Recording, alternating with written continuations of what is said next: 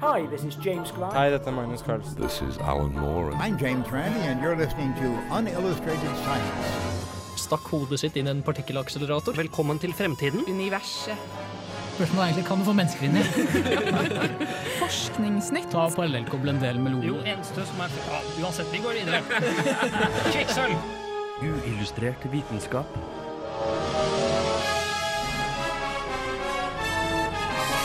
Science, it works, bitches. I denne ukas Uillustrert vitenskap skal du annet få høre om bjørnedyr, spiongadgets og litiumhydroksidsbatterier. Hei, hei, og hjertelig velkommen til Uillustrert vitenskap. Mitt navn er Andreas Haugland, og i dag har jeg med meg Andreas Sund Hei, hei. og Martin Eilertsen i studio. Hallo, hallo. Ja, i dag har vi mye spennende på plakaten, men eh, aller først så har vi jo en fun fact. Visste dere det at eh, det går an å bruke sukker i stedet for salt når en skal strø veien om vinteren? Nei, jeg, eller, jeg visste jo på en måte det, da. Ja. Jeg, jeg sa det til deg før sending. Ja. Men uh, ja, jeg tror ikke Martin visste det. Nei? Nei, jeg visste det ikke. Men hvorfor bruker en ikke sukker da i stedet? Nei, det er jo veldig dyrt, da. Ja. Uh, man bruker liksom det billigste saltet man kan finne, så man kunne brukt bordsalt, bare hva som helst. Men sukker ville jo skapt veldig stor skade på økosystemet, da. Mm. Så ville det vært veldig dyrt òg, Ja. sammenligna med salt. sant? Ehm, vi skal videre i sendinga med første låten, som er 'Tryllefløyten' av Fjorden Baby. Og deretter skal vi høre om eh, litiumhydroksidbatterier.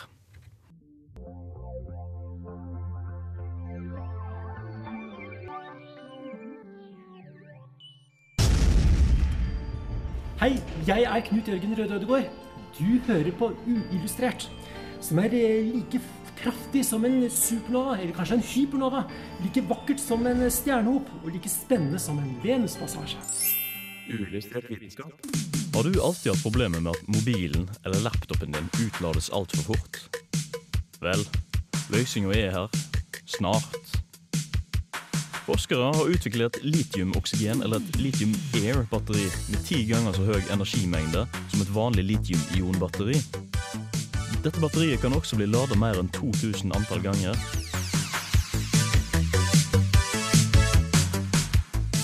Men hva er egentlig et batteri? De enkleste formene for batterier er laget av tre komponenter. En positiv elektrode kaller en anode, en negativ elektrode kaller en katode, og en elektrolytt, som oftest er flytende i midten. Litium-ion-batterier som brukes i smarttelefoner og laptoper i dag, har en katode laget av grafitt. En anode, som er oftest laget av et metalloksid, som f.eks. koboltoksid, og en elektrolytt av et litiumsalt løst i organisk løsning. Litiumbatteriene er lette, men har et problem. Batterikapasiteten minker med batteriets levealder, og en heller lav energitetthet i batteriet gjør at det må lades ofte. Demobatteriet som forskerne utvikla, består derimot av en porøs og luftig karbonelektrode lagd av grafen. Grafen er et lag med karbonatomer som er ett atom tjukt. I tillegg har batteriet en annen kjemisk sammensetning enn litiumbatteriet i elektrolytten. Forskerne valgte å bruke litiumhydroksid i batteriet, og dermed gjøre elektrolytten vannbasert istedenfor å bruke litiumperoksid som elektrolytt. Litiumperoksid har tidligere vært brukt som elektrolytt i eh, litium-ER-demobatterier, men for å sørge for at batteriet hadde færre kjemiske reaksjoner som kunne føre til at battericellen døde, valgte denne forskergjengen å bruke litiumhydroksid i stedet for. Dermed økte batteriets stabilitet sjøl etter mange opp- og utladningssykluser. I tillegg er elektroden strukturert på en så delikat måte som sammen med litiumelektrolytten gjorde at spenningsgapet mellom ladning og utladning ble så liten som 0,2 volt. Ja, batteriet har jo vært en gjenganger egentlig i programmet vårt nå i det siste. Forrige gang så snakka vi om uh, batteri som brukte hard carbon som uh, katoder, og litt andre stoffer som elektrolytter. Og vi har hørt om batterier som bruker vanlig grafen, grafitt og uh, aluminiumioner oppi elektrolytten. Men nå er det altså litiumhydroksid som er tingen. Det er en gjennomgående spalte, da. Det er jo det. det er absolutt. Ja, så, mange, så mange batterier. Hvorfor akkurat litiumhydroksid? Som eh, vi sa i saken, så var det for de kjemiske egenskapene. Altså, de fant ut at dette her var bra. Altså, dette ga et batteri med en struktur som klarte å levere energi konstant eh, i, over veldig lengre tid. Og eh, kunne lades, altså sykl, ut, Oppladnings- og utladningssyklus var opptil 2000 ganger Oh. på ett batteri. Uh, og det gjør, det gjør rett og slett til et ultimat batteri, batteri egentlig, pga. det uh, høye energinivået. Så det er ikke noe problemer med det, da? eller? Jo, det er da det. Det er derfor det er bare et demobatteri. Ja. Uh, Litiumhydroksidbatteriet det er nødt til å syklus, altså Ladningssyklusen må være gjennomskje i rent oksygen. Fordi ting som er i lufta, som karbondioksid, nitrogen og fuktighet, det er skadelig for uh, metall uh, i batteriet, for å si det sånn. Ja. Uh, så I tillegg så må det utvikles en metode for å kunne beskytte batteriet. For at ikke litiumet skal rett og slett lage dendritter, som det heter. Altså små tapper på seg, sånn at det gjør, fører til at det overheter og rett og slett eksploderer. Ja, det er jo ikke ønska. Eksplosjon er jo dessverre en fare med alle litiumbatterier, da, siden det er et alkalistoff. Her kan du til og med skje med mobiler. Ja. Eh, når kan vi forvente å se dette?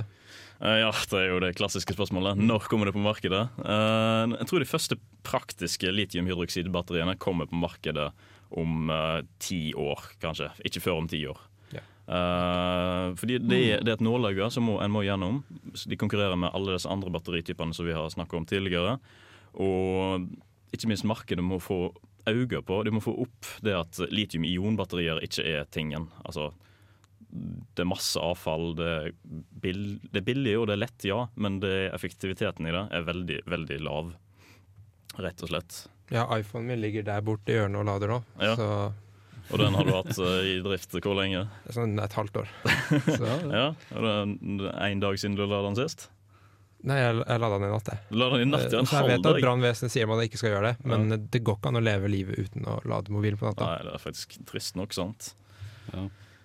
Uh, og det, altså batteriet, denne type batteri har jo også målt det. altså De fant ut at spenningsgapet var på 0,2 volt.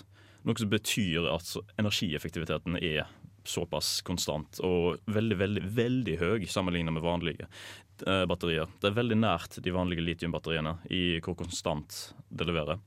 Eh, andre sånne lithium air-batterier som de har forsøkt med, det som f.eks. var med litiumperoksid i stedet for, der var spenningsgapet på mellom 0,5 og 1 volt, som er ganske stort sammenlignet med 0,2. da. Eh, videre i sendinga skal vi få høre litt om uh, bjørnedyr.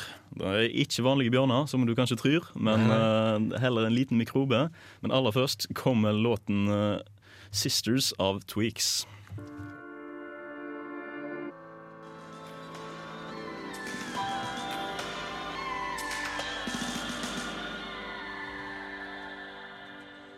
Hi, this is James Grime from Numberphile, and this is Unillustrated Science. Hvis du skulle gått utenfor romskipet ditt uten romdrakt, ville du ikke overlevd spesielt lenge.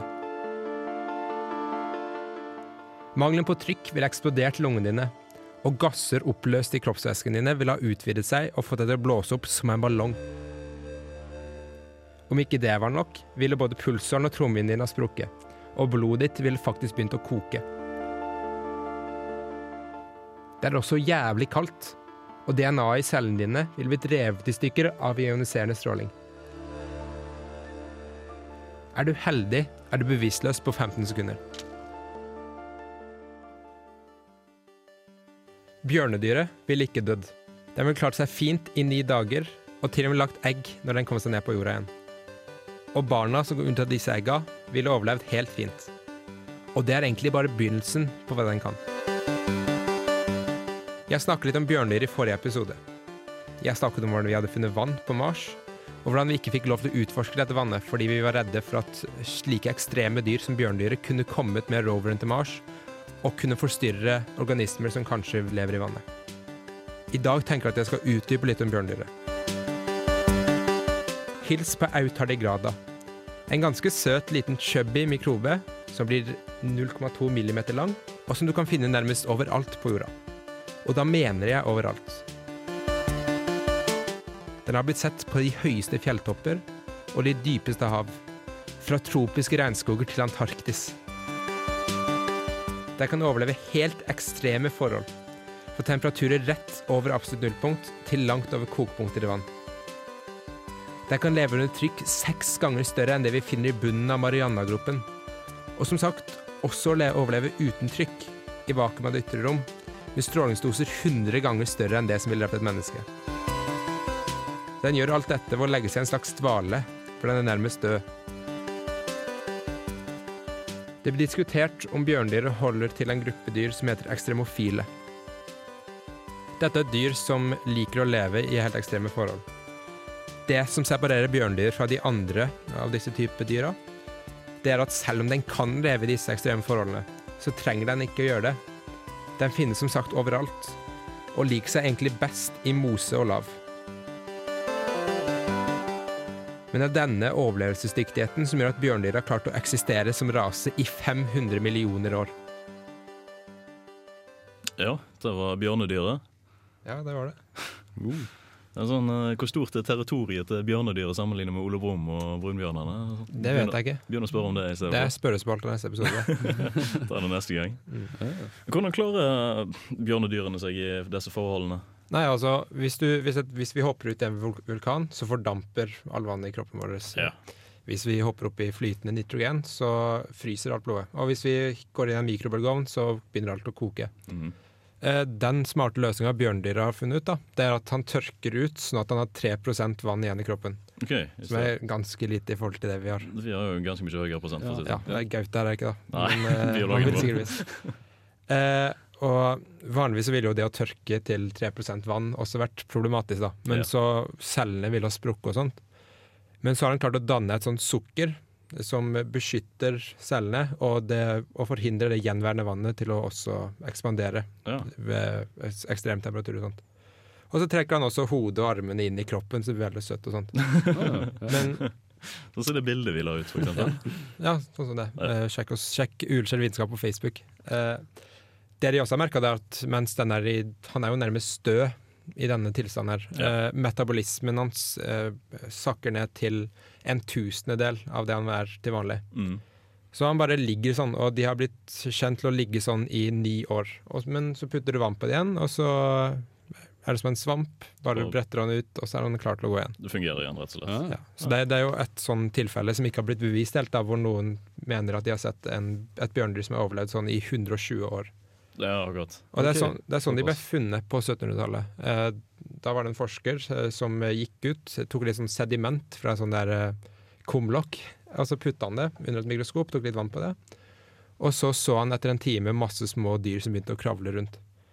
Og hvis du skal finne noe bjørndyr, så er det liksom det da, å finne litt tørka mose, og så ta vann på det. Ja, finnes de i Norge, da? Ja, de finnes overalt på verden, så å si. Eh, Det finnes over 800 forskjellige arter, da, så nå snakker jeg ikke om liksom, et spesielt bjørndyr. Nei, men uh, men uh, mange av de der ekstreme tingene som han tålte, da, det er jo ikke alle typer bjørndyr som klarer det. Det er spesielt liksom én eh, spesiell art, eller genus, biologi. Men eh, den, den, den heter autardigrada, og det er det som, den som de hadde i verdensrommet, og som er den mest overlevelsesdyktige. Ja, akkurat, ja. Mm. Skal vi si.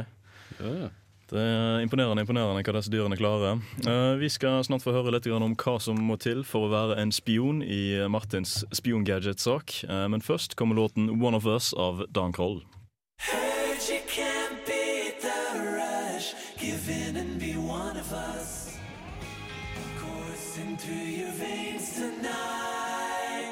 You're one of us. So, this is Richard Wiseman, author of 59 Seconds, and you are listening to Unillustrated Science. Enjoy.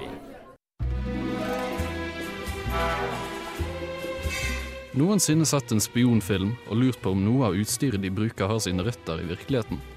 Har du lurt på om belter med rappelleringstau, kofferter med gassgranater, klokker med laser, sporingsenheter skjult i dagligdagse objekter noensinne har vært brukt eller finnes utenfor filmenes tre vegger? I dag skal jeg snakke om akkurat dette. Vel, kanskje ikke akkurat disse objektene, men spionutstyr uansett. Det ser ut til at vi alltid har vært interessert, og flink til å finne ut nye måter til å finne ut hva motparten driver på med. En av de desidert mest populære metodene å lytte inn på motparten, var gjennom ørsmå lydopptakere, også kjent som bugs. Disse var mye brukt under den kalde krigen, med ambassader som et av de desidert mest populære målene. Ofte plassert der av rivaliserende spioner, eller gjemt i gaver fra fienden som en trojansk hest fra atomalderen. Annet spionutstyr var ting som hule tenner man kunne bruke til å lagre og skjule informasjon, piper som kunne fange opp samtaler, duer med kamerafeste på seg, og sikkert en del andre ting vi aldri får vite om. En gadget som opparbeidet en del popularitet på begge sider i jernteppet, var pennpistoler. De holdt ett skudd og så ut som en vanlig gammeldags kulepenn.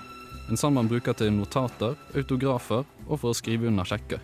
They all said the pen was mightier than the sword. Thanks to me, they right. Et effektivt redskap, så lenge man sørget for å bruke riktig type penn til riktig tid. Men ikke alt var gjemt og skjult fra befolkningens nysgjerrige øyne. Gyrokopteret, flyet med helikopterrotor fra You Only Live Twice, jetpacken fra From Russia With Love, har begge eksistert og fungert i flere tiår nå. For å ikke nevne mulighetene med dagens mobilteknologi. Så kanskje det er håp for de av oss som fortsatt har lyst til å leve ut barndomsfantasien som internasjonal superspion. Think we understand each other? Grow up, 007. Ja. ja, ja. Jeg har faktisk en eh, ekstra historie bak dette her, så jeg fant mens jeg drev og gjorde litt research. Og det handler om eh, avlytting av ambassader. Denne her var fra 60-tallet. Eh, Det handler om en ingeniør kalt Horst Schwirkmann, som jobber på den vesttyske ambassaden i Moskva. Eh, Den ambassaden ble regelmessig avlyttet av KGB. Kan jo se for meg det, siden Ja. han lå liksom midt i eh, Ja, så det var jo et optimalt mål. Ja. han pleide å leite etter de her eh, avlyttingsenhetene, og han fant en haug av de. Så det han pleide å gjøre, det var å sende en veldig høy spenning gjennom en av de her bugsene hver gang han fant en. Ikke bare ville dette ødelegge mikrofonen, men han som satt i andre enden, han ville da få en ganske ubehagelig opplevelse, skyldt eh, ganske høy lyd. Eh, Dette plaget KGB så mye at til slutt så bestemte de seg for at noe måtte gjøres.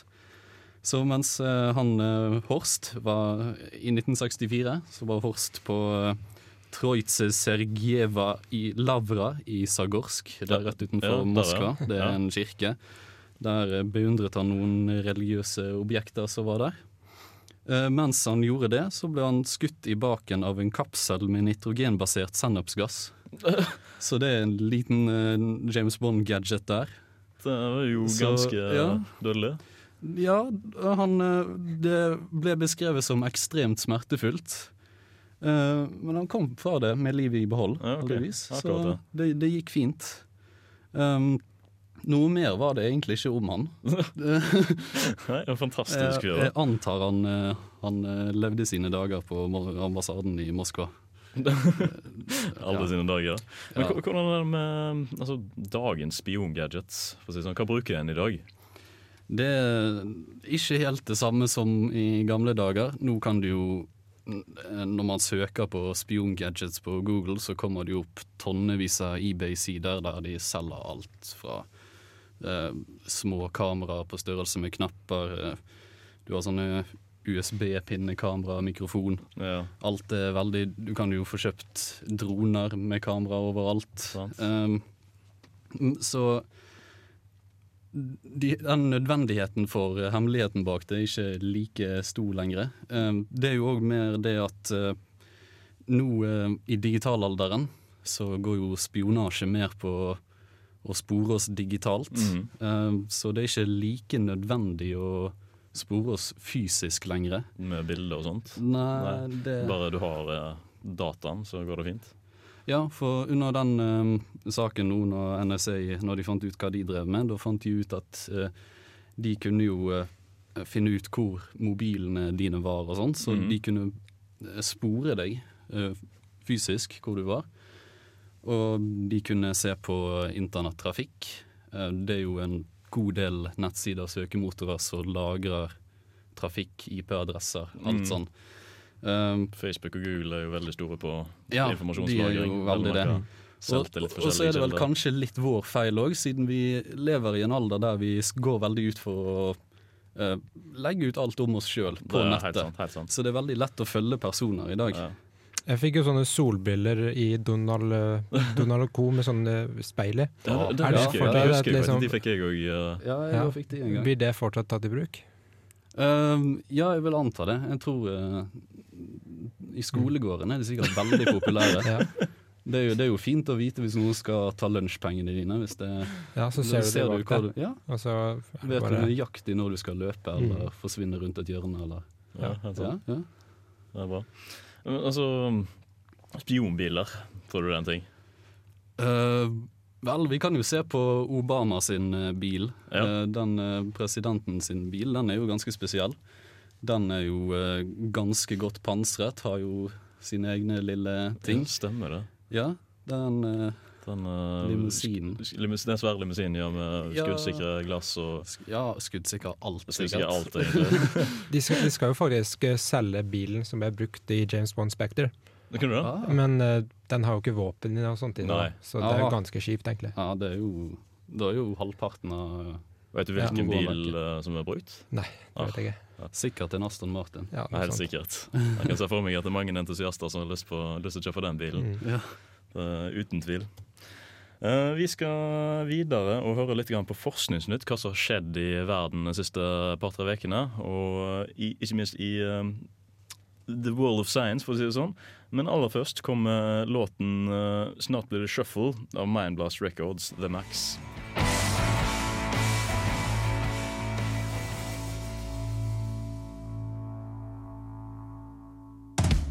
Science isn't about why, it's about why not. Why is so much of our science dangerous? Why not marry safe science if you love it so much? En ny teknikk gjør det mulig å finne de fleste former for kreft ved så lite som én dråpe blod. Å finne kreft kan være vanskelig å gjøre før det er for seint. Og det avhenger ofte på dyre skanninger og andre svært tidskrevende prosedyrer.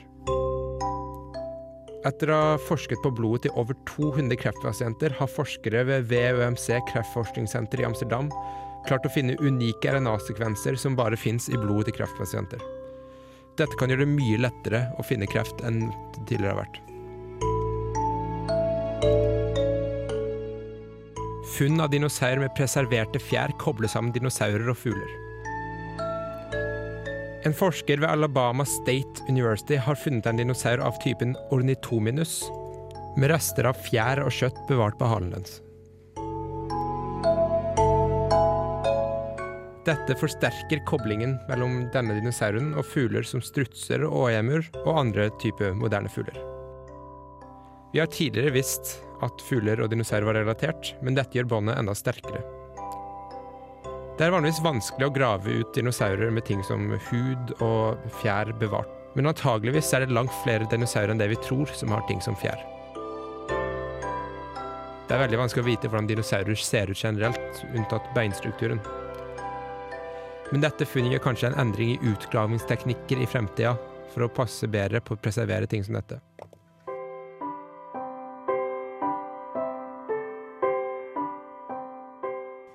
Et rart strålingsmønster får forskere til å undersøke muligheten om at det er en struktur bygd av romvesener rundt en fjern stjerne.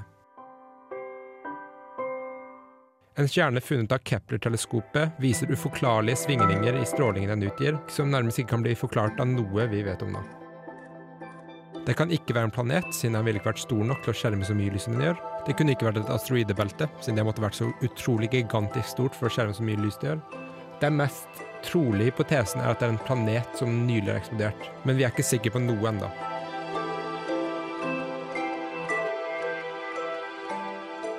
Romvesener er den siste hypotesen man noen gang skal ta, men det er i hvert fall kult at muligheten blir litt undersøkt. Det kunne f.eks. vært en Dyson-sverm, som er et science fiction-objekt hvor man bygger en svær ring rundt en stjerne for å ta opp absolutt all solenergien dens. Ja, det er, jo, det er jo alltid spennende å se hva en finner på internett når en skal lete etter forskningsnytt. Mm. Og Det var jo interessante saker denne gangen òg. Den, men denne kreft, kreftdiagnostikken, altså, når tror du vi får se dette her? Det er jo veldig, veldig banebrytende om det blir etablert, for å si det sånn. Mm. Nei, eh, han eh, som eh, hadde ansvaret for forskninga, han sa at det er fortsatt i en tidlig fase av utviklinga. Ja. Men at vi mest sannsynlig ser det i 2020. Okay, det er det er jo- hva han sier, da. Så Det er jo snart, det, ikke faktisk. helt sikkert. Det som er veldig interessant med den der, eh, den der metoden, da, det var at det også hadde ganske god suksess med å finne typekreft. De kunne separere mellom seks typer forskjellige tumorer med 71% eh, sikkerhet. Bare med den metoden her? Mm. Da blir det jo enda bedre. Ja. Dette, kan, dette er virkelig bra, liksom. Ja. Det er jo øh, latterlig mange forskjellige typer kreft. Altså, klarer de å ta alle med denne metoden, tror du? Uh, jeg vet ikke. Nei. det han sa i artikkelen, var Han nevnte eh, seks bestemte typer kreft. Ja, okay. Men noen av de er jo litt sånn overgrupper og sånt. Ja, skjønner. Ja. Det er jo veldig, veldig bra uansett. Uh, videre til denne her andre romsaken. Hva er, altså, er ikke det litt sensasjon- sensasjonalistisk, egentlig? Jo, det, det er jo egentlig skikkelig sensasjonalistisk. Og det er jo sånn eh, de, alle de store mediegreiene rapporterer på vitenskap. Det, Ja. det, er- Når de først rapporterer på det, så er det som regel liksom for ah, Wow, er det romvesener eller noe sånt? Herregud. Eh, spesielt VG og Dagbladet og sånt. De liksom Ja, sier liksom ah, Vi har funnet romvesener. Sånn Ja, ja. konklusivt. Mens NRK var litt mer eh, De var litt mer tosida på det. Ja. Så jeg, jeg leser litt der, da, blant annet. Men den rapporten som mange siterer til å ha fortalt dette om romvesener, da, Mm. eh, sa ingenting om romvesener. Men det som har skjedd, er at eh, de har det så vanskelig med å forklare hva som skjer rundt denne kjerna, at de har satt ned et råd for å finne eh, alternative løsninger på hva det kanskje kan være. Ja, godt, ja. Og en av de løsningene er at det kanskje er romvesener. Men Ja. det er jo den mest interessante løsningen som vi helst vil ha. Det er den vi helst vil ha, og ikke minst den som gir masse penger for tabloidavisen å skrive om. Så derfor har vi satt flere store radioteleskoper rundt omkring i verden sånn som, for å se på det. da. Og han eh, Jason Wright, som var mannen som leda dette rådet, Mm. han sa at hvis vi finner modulerte radiosignaler fra denne kjerna, da, da er jo det virkelig storsinn. Da har vi liksom så å si funnet romvesener, da. Ja.